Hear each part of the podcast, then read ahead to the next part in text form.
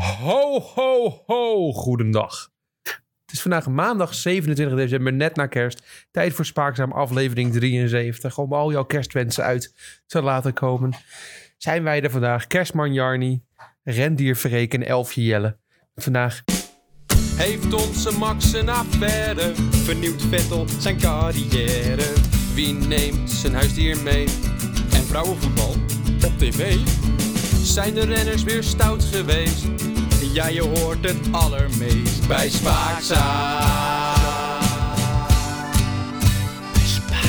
Ja, leuk hè. De bronnen melden ons dat Lewis Hamilton, Jelle, Lewis Hamilton, dat hij gaat stoppen met de Formule 1. Ik heb een belletje gehad. Ja. Oh, Jelle heeft een belletje gehad. Hij is undercover gegaan. Ja. Als Jack Ploy de paddock is Als elfje. gegaan. Als elfje de, de paddock in gegaan. En hij heeft hij met nieuws meegenomen. En hebben we nog meer belangrijke updates. Ruzie in de sisjes op de schaatsbaan.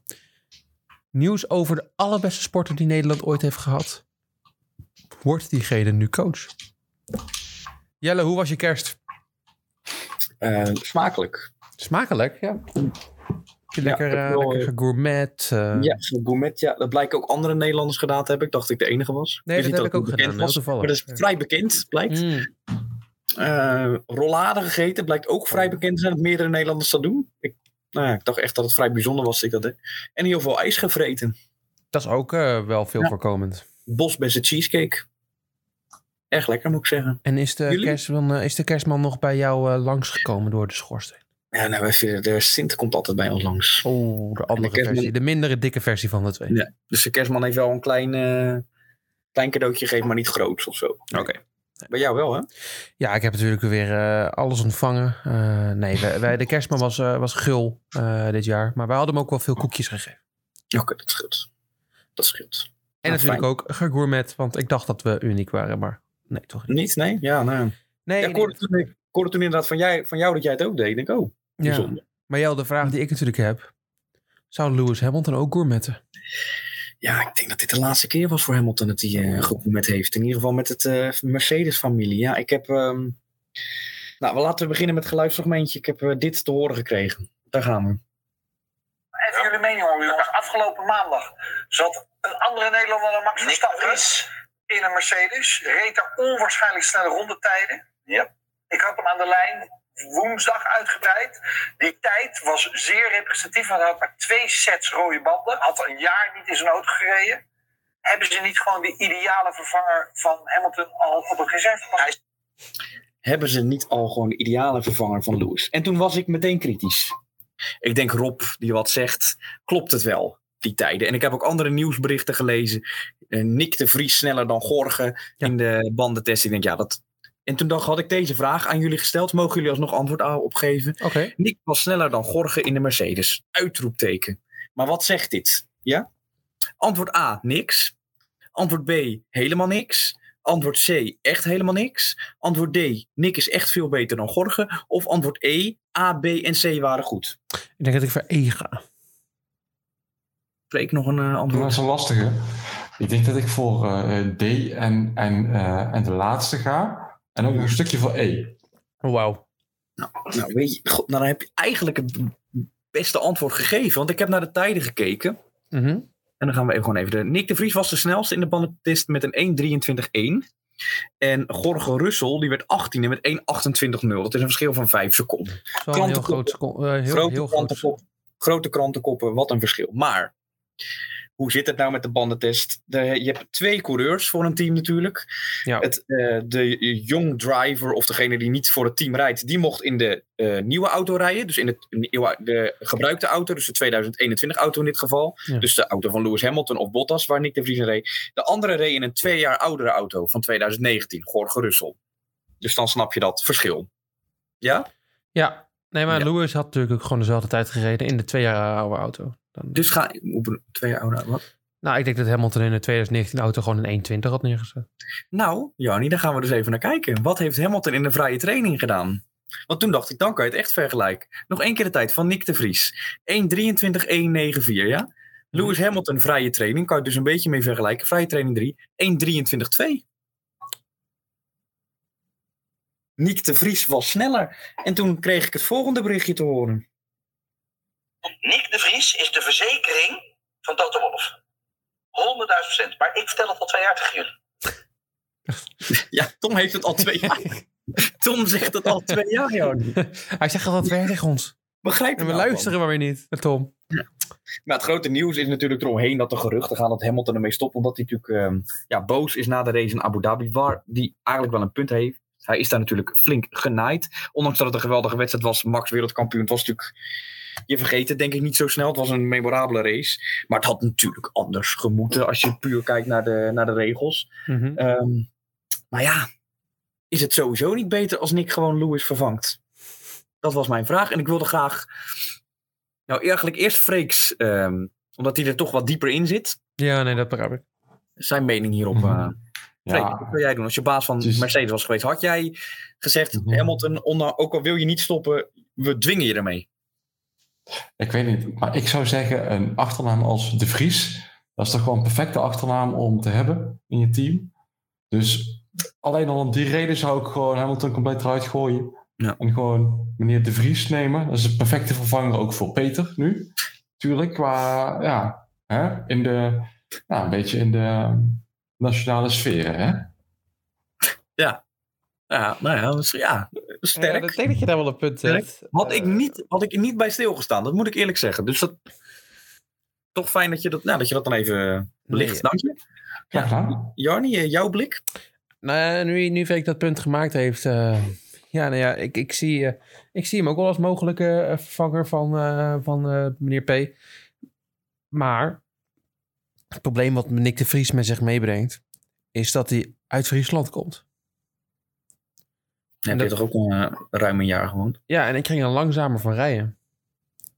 Nou, Jarni, op dit moment ben je ook niet heel veel sneller in een bepaald spel. Maar, Ik ben aan het acclimatiseren aan doet, nieuwe omstandigheden. Ja, Maar nee, nou, kijk, weet je wat het is? Als ik, eh, als ik Lewis Hamilton was en ehm Toto Wolff tegen mij zeggen... Oh, Lewis, we are taking uh, Nick. Niks. Dan zou ik toch echt zeggen... No, Toto, no. Oh. Ben je That's so not right. That's Ben je so- helemaal betoeterd? Fucking Nick de Vries met zijn kuthartjes op zijn fucking helm. Rot erop, man. Pompenbladen. Pompenbladen. Nee, Nick Maar wat denk jij van is het nieuws? coureur van helemaal niks. Ja, toch Nee, wat je? Nee, ik vond het dus. Ik dacht, nou, het eerste wat ik dus zeg, het eerste wat ik dacht toen Rob het zei, ik, ja, dat staat waarschijnlijk nergens. Nee, maar weet je, waarschijnlijk... ah, het is ook gewoon een beetje wat er bij mij op dit moment... Misschien heeft hij wel een punt en was het een prima tijd. Maar als Tom Coronel gaat zeggen dat, dat het zo is... Dat, dat het een verzekering is van Mercedes... dan alles wat in mij zit, elk graantje vezel wat in mij zit... die roept, ik moet het niet met Tom Coronel eens zijn. Dus, Nee. ik, eh, dus dat ga ik ook niet doen. En eh, alles wat Tom Coronel zegt, daar ben ik het niet mee eens. Nou ja, ik zou zeggen, we houden het in de gaten. Maar denk jij dat het waar is dat Hamilton gaat stoppen? Nee, Nee, ik denk het ook niet. Nee. Nee, Het dat is helemaal nergens op. Waarom zou hij stoppen? Ja, dat hij natuurlijk, hij is zo gezegd flink aangedaan om wat hem, om wat hem is aangedaan. Ja, maar hij heeft toch helemaal niet het...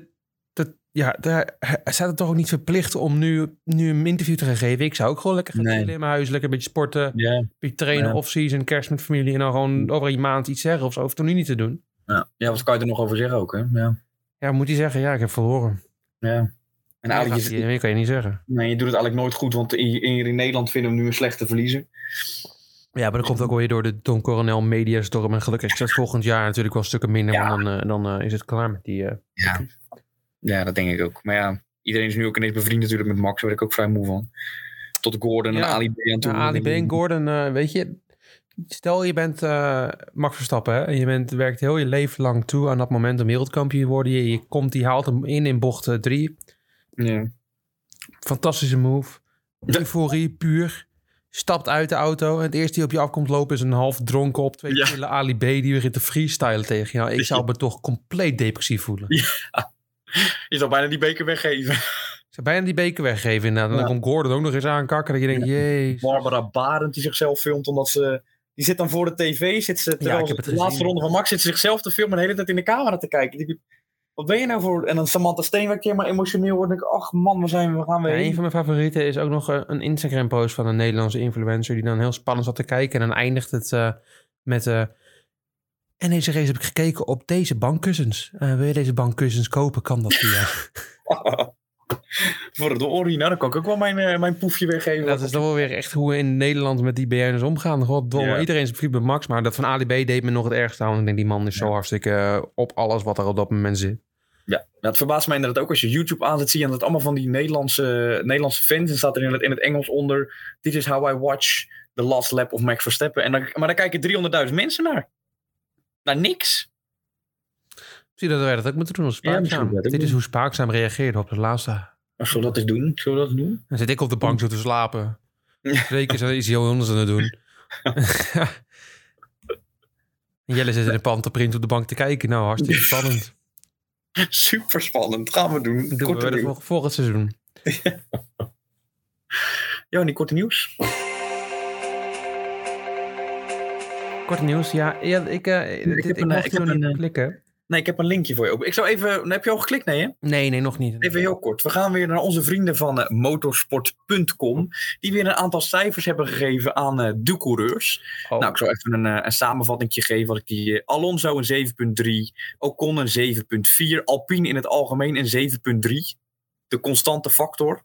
Ja, constant slecht, zoals jij het wel vaker zegt, denk ik dan. Mhm. Even kijken. Gasly een 8.4. Zo. Yuki Tsunoda een 6.2. Wat zou jij Vettel geven als je deze cijfers zeg maar een beetje op een rijtje hoort? Waar zou je hem tussen scharen? Ik zou hem een 8 geven. Een 8. Nou, dan eh, wil ik dat jij nu even de link... eh, Dan gaan we de link nu openen. Ik wist niet dat we. Even kijken. Sebastian Vettel. Een 6,6.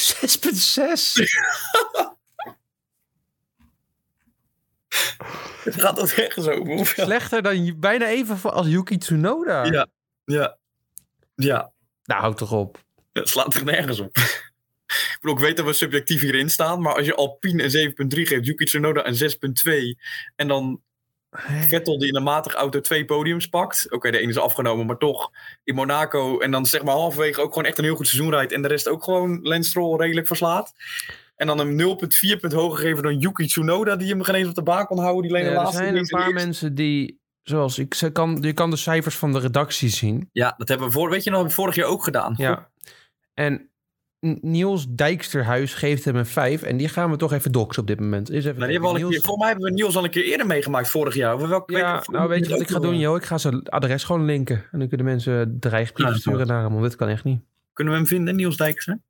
Dijkerhuis, hoe heet hij? Niels Dijksterhuis. We gaan hem even opzoeken. Nee, ik kan hem eh, niet echt... eh, ik vind wel een Twitter van hem. En eh, daar is hij voornamelijk niks aan het doen. Hoeveel volgers heeft die onze Niels? 320. Oh, dat is toch wel veel. soort Ja, van. nee, nee, nee, dit, je, dit kan echt niet. Het is, er staat gewoon echt... Wat heeft Strol gekregen dan? Ik- Ja, is- ja, nog niet alle cijfers zijn bekend. Oh, je Oké. Stroll is wel bekend. Ja, dit is volgens mij een 5 punt nog wat. Stroll uh, En rapport. dan wil ik weten wat Niels Dijksterhuis die Strol gegeven heeft. Gewoon ter vergelijking. Rapportcijfer Formule 1 coureurs. Kan ik die vinden? Ik kom bij je terug. Mhm.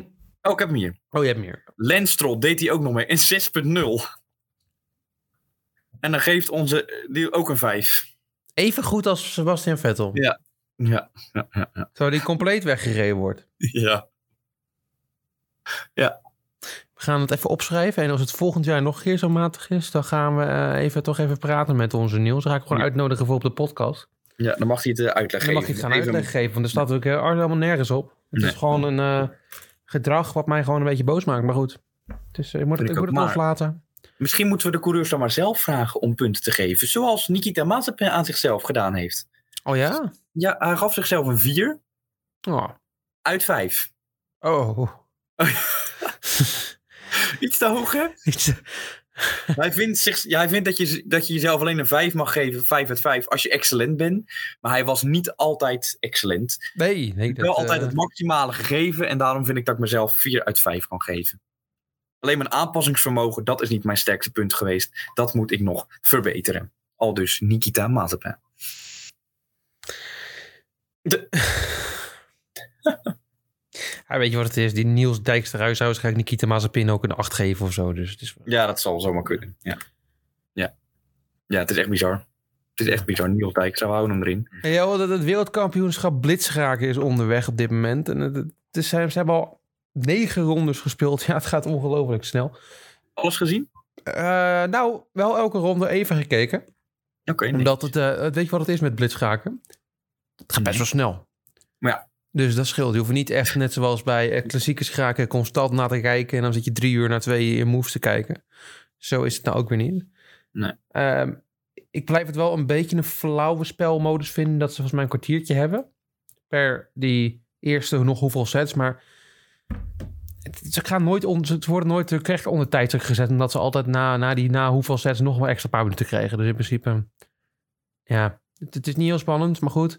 De Maar hoe doen onze Nederlanders, hoe doen onze Nederlanders het? Nou, onze Nederlanders vallen me, vooral eentje valt me heel erg tegen.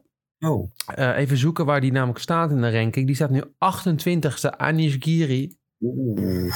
Werd net in eh, vijf minuten compleet weggespeeld door eh, een of andere... wat was het ook alweer? Ja, kom, wat is dit land? Lotte zou het weten. Ehm, door, door de Wit-Rus Ivan Sheparodinov. Oké. Die we allemaal kennen natuurlijk. Dus die, Niet door Niponiat. Ja, nou, nee, die valt echt tegen. Maar onze Oh. andere Nederlander, Jordan van Foreest... Ja, ja, ja. die staat gewoon in de top 10 op plek 8. Oh. Netjes. En is nog lekker in de running. Hij staat wel al ongeveer anderhalf punt achter eh, iemand die compleet wegloopt van de rest. Namelijk de Noor Magnus Carlsen. Maar, ja, dat is, maar dit is ook echt zijn ding. Hij is nog beter in blitzschaak natuurlijk als gewoon schaak. ja, nou, hij is nog beter Lijkt in, met- heet, nou, hij is nog beter in heet het, eh, Rapid ook nog. Dus in principe, Ja, dat is echt zijn ding. dat is echt zijn ding. Dus ja, die, hij is aardig onderweg. Hij, hij staat voor Alexander Grishuk, die die net eh, gelijk heeft gespeeld, heeft meegespeeld. Er was wel alweer een beetje drama trouwens. Oeh, Tussen ja. Alireza Virutia, de eigenlijk Iran geboren, eh, nu Fransman. Die, eh, die vond namelijk dat Magnus vals aan het spelen was tijdens hun potje. Hij verloor namelijk, de 18-jarige verloor wel naar de Noor. Maar Magnus, die, ja, die maakte een foutje. En toen, je mag niet paraten tijdens eh, schaakwedstrijden. Nee. En toen onder, een beetje zachtjes deed hij een Noors scheldwoord tegen zichzelf zeggen. Daardoor was hij helemaal afgeleid. de, de officials die zeiden nee. Oh. En weet je wat mooi is? Als je een klacht wil indienen moet, kost het je 300 dollar. Dus hij is het betaald en het is niet gehoord. Oké. en we gaan gewoon verder. Eh, morgen zijn de laatste drie rondes. Oké, nou spannend. Ja.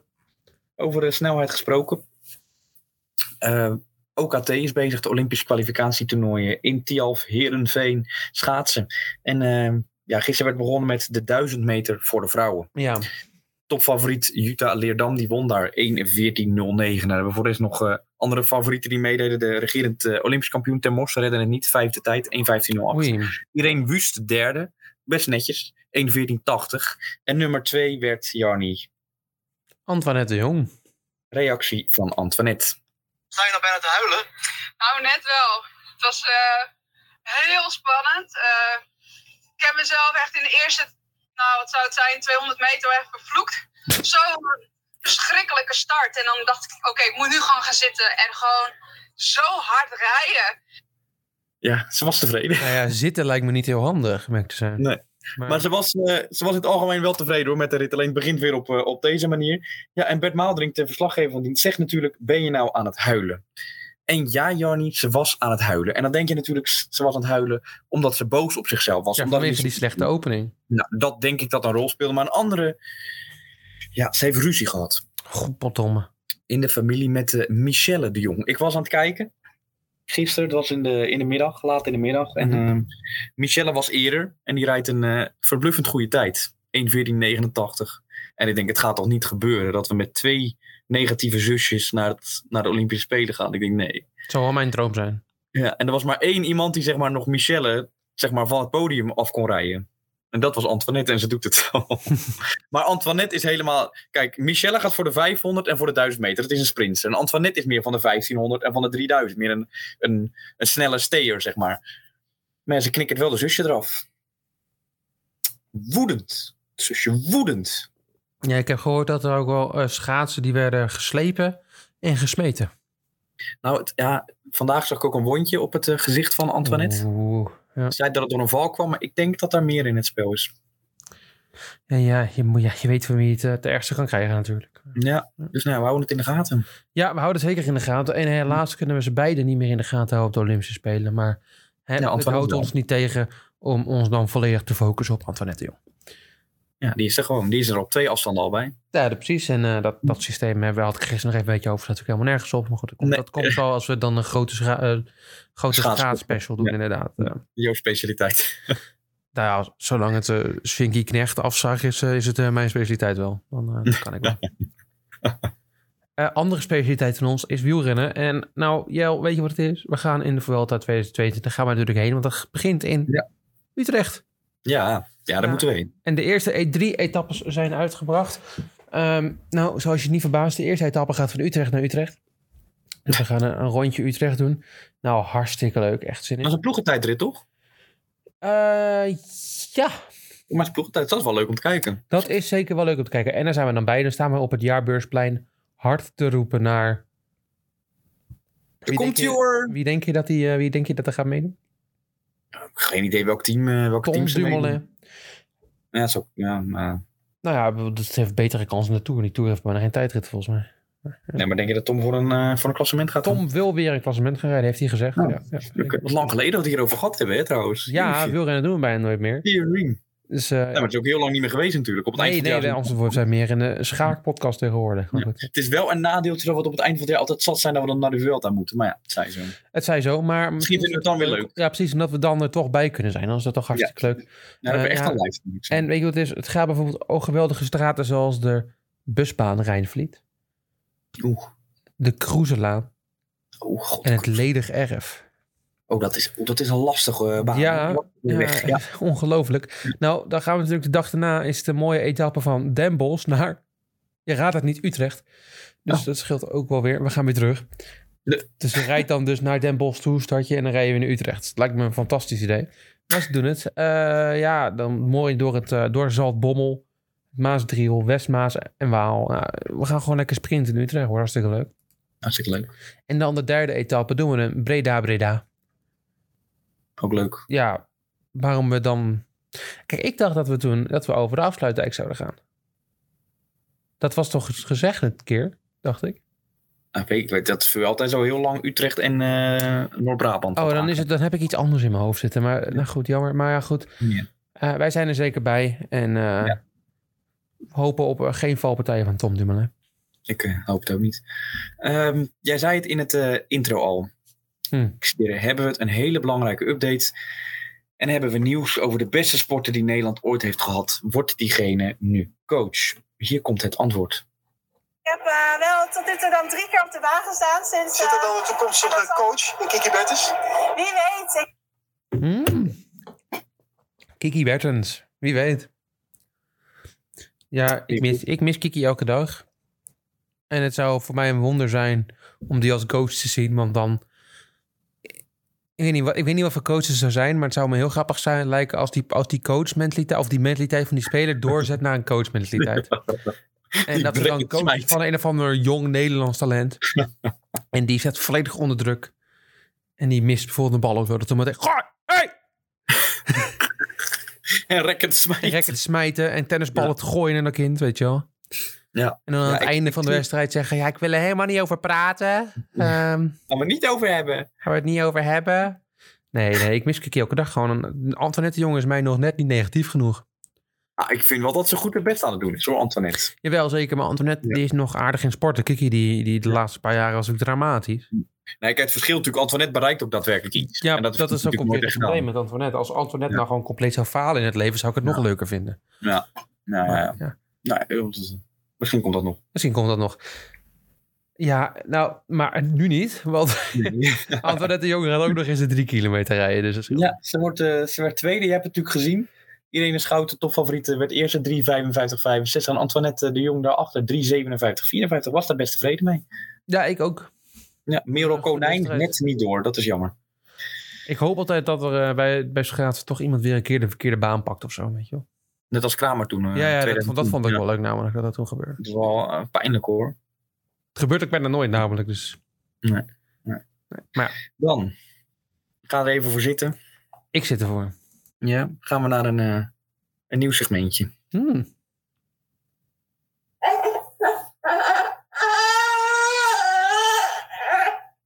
Hoe gaat het met de baby van Kiki? Oh. Ja, ze heeft namelijk voor het eerst een interview gegeven natuurlijk, nou, over haar coach zijn, maar ook hoe het met de baby ging. Dus ik dacht, ja, dat moeten we natuurlijk in de gaten houden. Hier, eh, hier komt ze.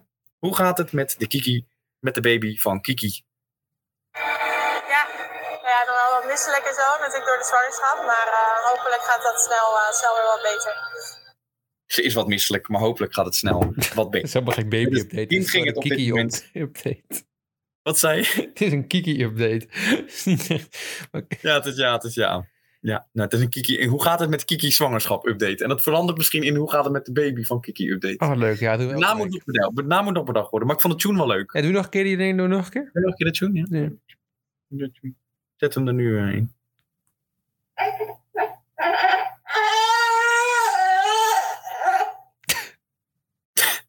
Ik hoorde even dat het een baby was. Ik dacht, wel, wat, wat is dat voor geluid? Eh, Nog een of andere feestslinger of zo, weet je wel. Het moet eigenlijk meer hoe gaat het nu met Kiki zwangerschap zijn? Dat is beter. Ah, Beide zijn leuk.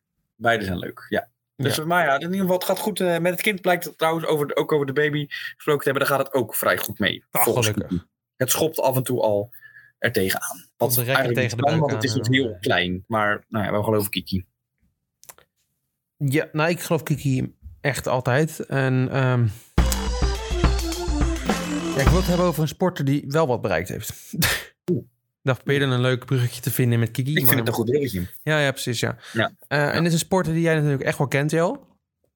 En jij kent de naam Mauro Prosperi natuurlijk wel. Pff, Zat die hardloper? Paul, wat, wat ben jij goed zeggen dat jij dat weet wie dat is. Echt ongelooflijk. Ja, dat was zeker een hardloper. Een lange afstandloper om specifiek te zijn. Hij was nog heel erg jong toen hij begon met hardlopen. Ja. Voor mij wordt het een ultraloper genoemd. Oh, nou, wat, Hij komt uit Italië, toch? Ja. Dacht ik. wat, Ja. wat smijt jij met terminologie? Ja ik, ja, ik weet dat gewoon. Doe jij dat ook, har- lange afstand of ultralopen? Nou, ik heb wel eens eh, vijf kilometer meegedaan aan de avondvierdaagse. Dat, dat, ja, dat is bijna hetzelfde. Wat Voor mij, ik heb voor mij zes van die lintjes van die vijf kilometer. eh, Ja? Voor mij zes keer op rij, ja. Zes keer op rij, dat doen mensen niet vaak. Nee, zes keer op rij, elk jaar een keer, hè dan. Ja, dat begreep ik. Oh, zo, ja, oké. Ja, nee, ja. eh, ja, ja. ik vond het nog ook. Ik heb ze nog steeds, die medailles. eh ja, ze plonken. Ja. En misschien had jij bij Mauro Prosperi moeten zijn, want, want wat, wat hij deed, dat had jij ook zomaar gekund. Oh, Hij pakte namelijk een gouden medaille op bij de Olympische Spelen op de vijfkamp. Oké, netjes. Dus ben je niet zomaar een prutser. Nee, zeker niet. Maar Mauro wilde allemaal andere dingen ook nog doen, want een vijfkampje op de Olympische Spelen was voor Mauro niet spannend genoeg. Hij moest echt uitdaging zoeken in het leven. Hij houdt van uitdagingen. Dus dacht hij, ik ga namelijk de Marathon des Sables lopen. Die ken jij. Dat is volgens mij een eh, zesdaagse ultraloop van ongeveer 254 kilometer. Die sinds 1986 jaarlijks wordt gelopen in de Zuid. eh, de woestijn van Zuid-Marokko, dacht ik uit mijn hoofd. Maar dat weet ik niet zeker. Potverdorie. Ja. Ja, Ja. ik, weet, ik weet natuurlijk dat ik nu in jouw vakgebied zit, maar het is wel ongelooflijk dat jij dat allemaal weet. Kennis komt eruit. Het is inderdaad in de Sahara. Dit, dit blijkt, en dat weet jij misschien niet, eh, niet zo'n prettige omgeving om te zijn. Oh, dat wist ik niet. Nee, nee, nee. Nee, oké, vertel. Eh, nou, in totaal is dat namelijk 9,2 miljoen vierkante kilometer. Van bijna Daar kan ik het mee vergelijken. Hoeveel voetbalvelden zijn dat? Eh, dat is ongeveer twee keer het strand van Ten Helder. Oh, dat valt. Echt waar? Zo weinig? Dat natuurlijk niet. Dat is veel. Oh, ik dacht al. Is, eh, als, je, als je de hele Noord-Amerika eh, in de Sahara ligt, heb je ruimte over. Oké. Dus dat, eh, en dat is alleen maar zand. Wonen in totaal 2,5 miljoen mensen. Dus waarschijnlijk kom je ook niet iemand tegen of zo. Nee. Als je er even doorheen gaat wandelen. En het is er ook nog eens best wel warm. Ik weet het, je weet het niet, maar ik, ik moet het even uitleggen. Hm. Constant 40 graden overdag, kan oplopen tot 47 graden. En als je met je blote, blote kakjes eh, loopt op, het, eh, op het, eh, het zand, dan is het ook nog eens 80 graden. Dus dat, Oh, dat, wil je ook niet meemaken. Nee. En er is weinig water. En drie dagen zonder water, ja, dan ga je dood. Dus Oh. niet echt een gezellige omgeving om je fysiek door het uiterste te pushen. Maar Mauro wilde het toch graag doen. En dus stond hij in 1994 aan de start in Marokko. Wat je al zei, 254 kilometer hardlopen, joh. Eh, Veel. Ja, dat is zeker veel, maar wel verspreid over zes dagen. Dus je hoeft het niet allemaal op één dag te doen. Ook wel weer mee. Ja, dan valt, dan valt het wel mee inderdaad.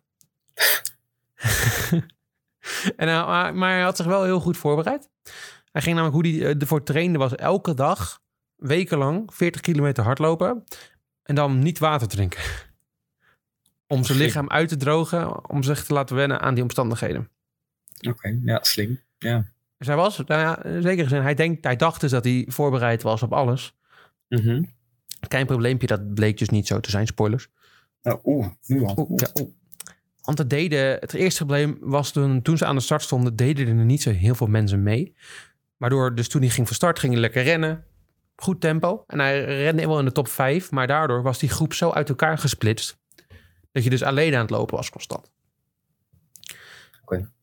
Dat kan. Hij had een eh, rugzak bij zich met eten, kleren, een slaapzak, een kompas, wat kookgerei, EHBO-spullen en één zo'n flare, weet je, hoe die omhoog schiet als je Oké, ja, zo'n, eh, ja, ja. Ja. Water kreeg je bij checkpoints. En hij was lekker bezig. Hij liep zo'n 20 kilometer op dag 1, 22 oh, soort miles, 18 miles op dag 1, 22 op dag 2, dag 3 deed hij de 25 en dag 4 moet hij wel 53 maal lopen. Dat is best wel veel. Dat was de langste dag. Dat moet hij dan dus binnen 24 uur voldaan hebben. Het was toen die dag 46 graden. Dat is best warm. Dat is een beetje eh, het hoogste wat je kan tegenkomen qua temperatuur in die Sahara. Maar na 20 maals hardlopen begon er een windje te staan.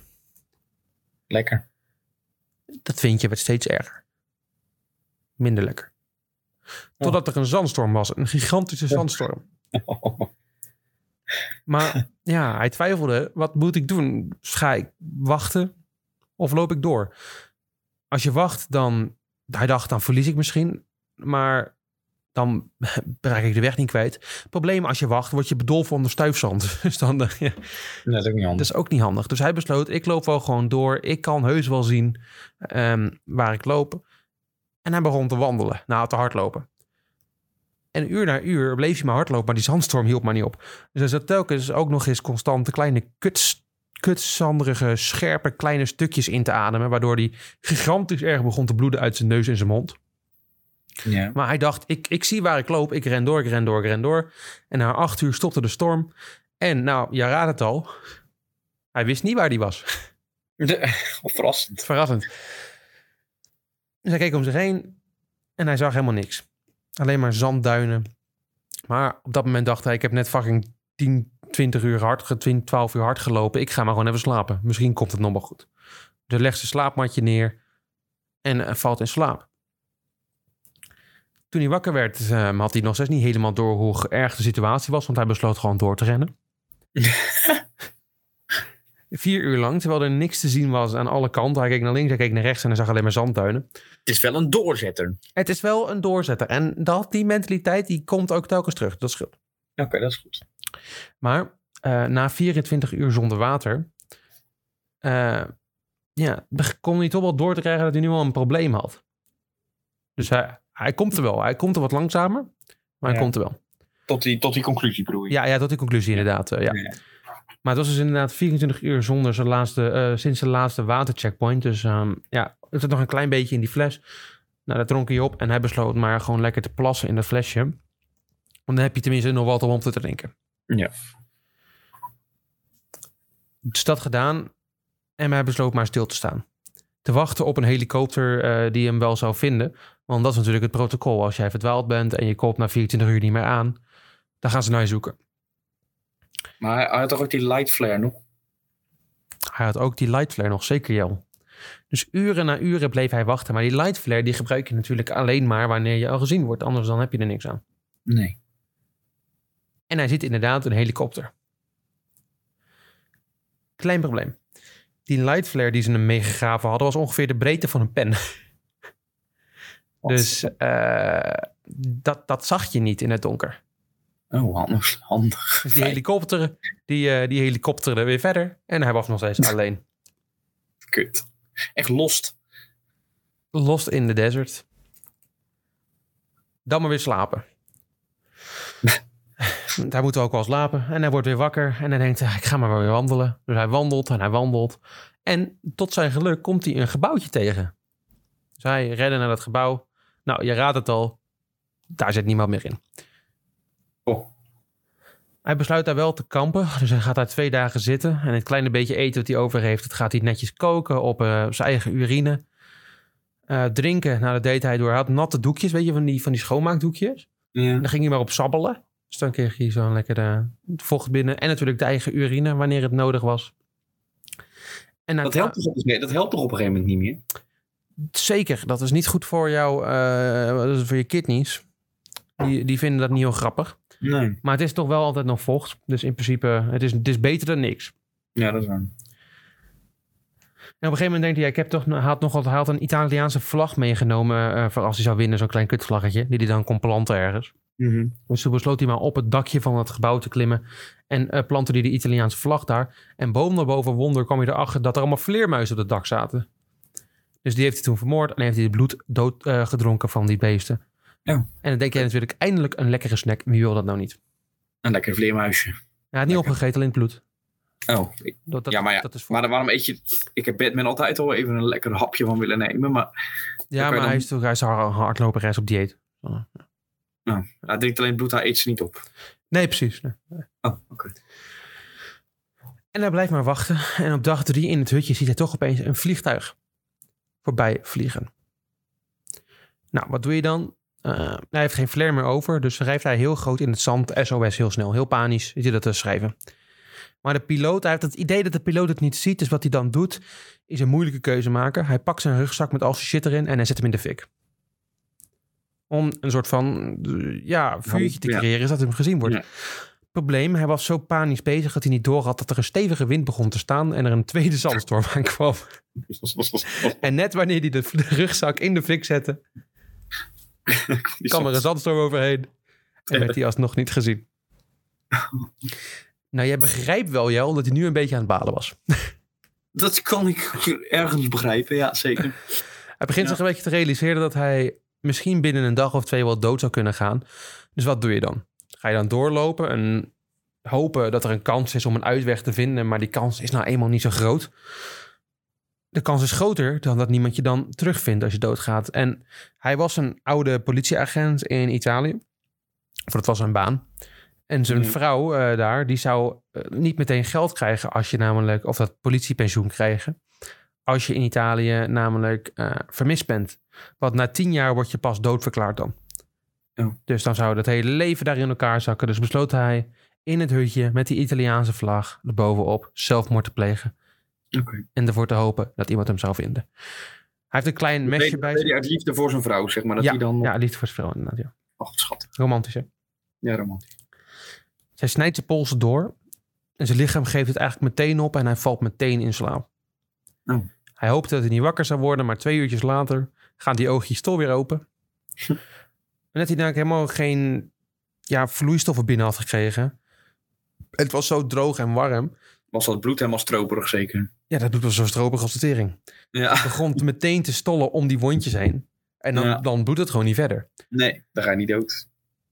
Nou, hij baalde dus nog meer. en dan maar nog maar wandelen. Dus na een dagje wandelen nog een keer, echt langzaam stapje voor stapje, had hij toch het gevoel dat hij in de verte bij zijn bergketen zag. Dat is een doel, dus hij begon maar lekker te wandelen en te wandelen in de ochtenden en avonden, niet meer overdag. Want overdag redde het niet meer. Dus wat hij dan deed, is dat hij dan overdag in eh achter zandduinen ging verstoppen in de schaduw. En dan een beetje ging slapen door zich een, een gat in het zand te, te graven, daarin ging liggen, het zand op hem te gooien. En dan, dan ging je daar maar een beetje in, in die verkoeling een beetje slapen. En dat deed hij drie dagen lang. Ging hij dus urine drinkend en lopend door de Sahara op naar die klotenbergen. Maar voordat hij die bergen bereikte, viel hem iets anders op. Er was opeens een fucking oasis voor zijn kop gevallen. Ineens. Ja, nou, ja, dat zag hij opeens. Zag een oasis. Dus uh, wandelen en opeens kwam er een oasis. Hij loopte er natuurlijk zo snel mogelijk naartoe. Alleen een klein probleempje. Zijn keel en mond waren zo opgezwollen door de droogte. Dat hij het water niet meer kon doorslikken. Dus hij ging alsnog dood. Nee. Oh. Hij was slim. Hij ging naast het water liggen. Waardoor het water toch een beetje in hem opnam. En na een dagje slapen ging hij weer wandelen. Een gevestigde ja, die man die houdt niet op, joh. Hij vulde een fles water mee. En hij komt opeens wat tegen. Geitenpoep. Jelle, wat betekent geitenpoep hier? De vocht. Nee, dieren. Mensen. Mensen, zeker. Hij komt namelijk de Tarek-mensen tegen een nomadisch volk. Die zijn eerst heel bang van hem. Dus ze rennen weg. Eh want zag er blijkbaar helemaal niet meer uit, die gast. Hij was namelijk ongeveer eh 30 kilo kwijtgeraakt. Aan, eh, of eh, 20 kilo aan lichaamsgewicht. maar eind goed, al goed. Hij had het overleefd. Ah, mooi. En nu? Hij heeft, nog een keer, hij heeft vier keer nog een keer meegedaan joh, aan die verdomme wedstrijd. Hij is een keertje 16e geworden en op zijn Wikipedia-pagina heeft hij een uitspraak staan eh, dat de, of nee, op een website, dat die, ehm, die, die, die, die dagen in het desert dat hij, verd- dat hij verdwaald, dat zijn beste periode uit zijn leven was. Die toen, toen het meest blije was. Oké, nou dan heeft hij een triest leven. Dat, En dat is de, dat is de, de, dat ik eruit wil trekken uit dit verhaal. je moet tevreden zijn met wat je hebt. Ja, en ga nou niet wandelen in die fucking Sahara, joh. Oh, als je is, dat wel doet, dan kan je beter, eh, ja, ja. Dan moet je neem proberen water mee als je naar de in gaat. Wat een goed Ja, goed advies. Ja, ja, neem water mee. Ja, dat vind ik mooi. Fijn. Ik eh, zal erover nadenken als ik eh, over een paar jaar ga. Ja, want ik heb jou ingeschreven voor volgend jaar, dus dat scheelt. Ja, nou leuk. Ja, dat moet kunnen. Moet kunnen. Ik neem een Nederlandse vlag mee. En wie weet staat die gast ook aan de start, hè? Dus, eh, ja. Goed, nou, dan weet ik dat ik hem moet volgen. Voor een goede levenservaring. Nou ja, voor een goede levenservaring zeker als je op de weg wil blijven niet. Want blijkbaar was hij dus 250 kilometer eh, van, de pa- van het pad afgewandeld. Was hij door een bergketen heen gewandeld in die zandstorm. Ehm, en was hij de grens tussen Marokko en Algerije overgegaan. Oh, In totaal netjes. eh, moet je je voorstellen dat je in principe vanaf Portugal naar, nou laten we zeggen, eh, langs Italië wandelt. Oké. En dat dan eh, onwetend. Ik ga mijn lessen eruit trekken, denk ik. Dat is goed. Komt goed. Tot de volgende keer. Tot de volgende keer. Doei!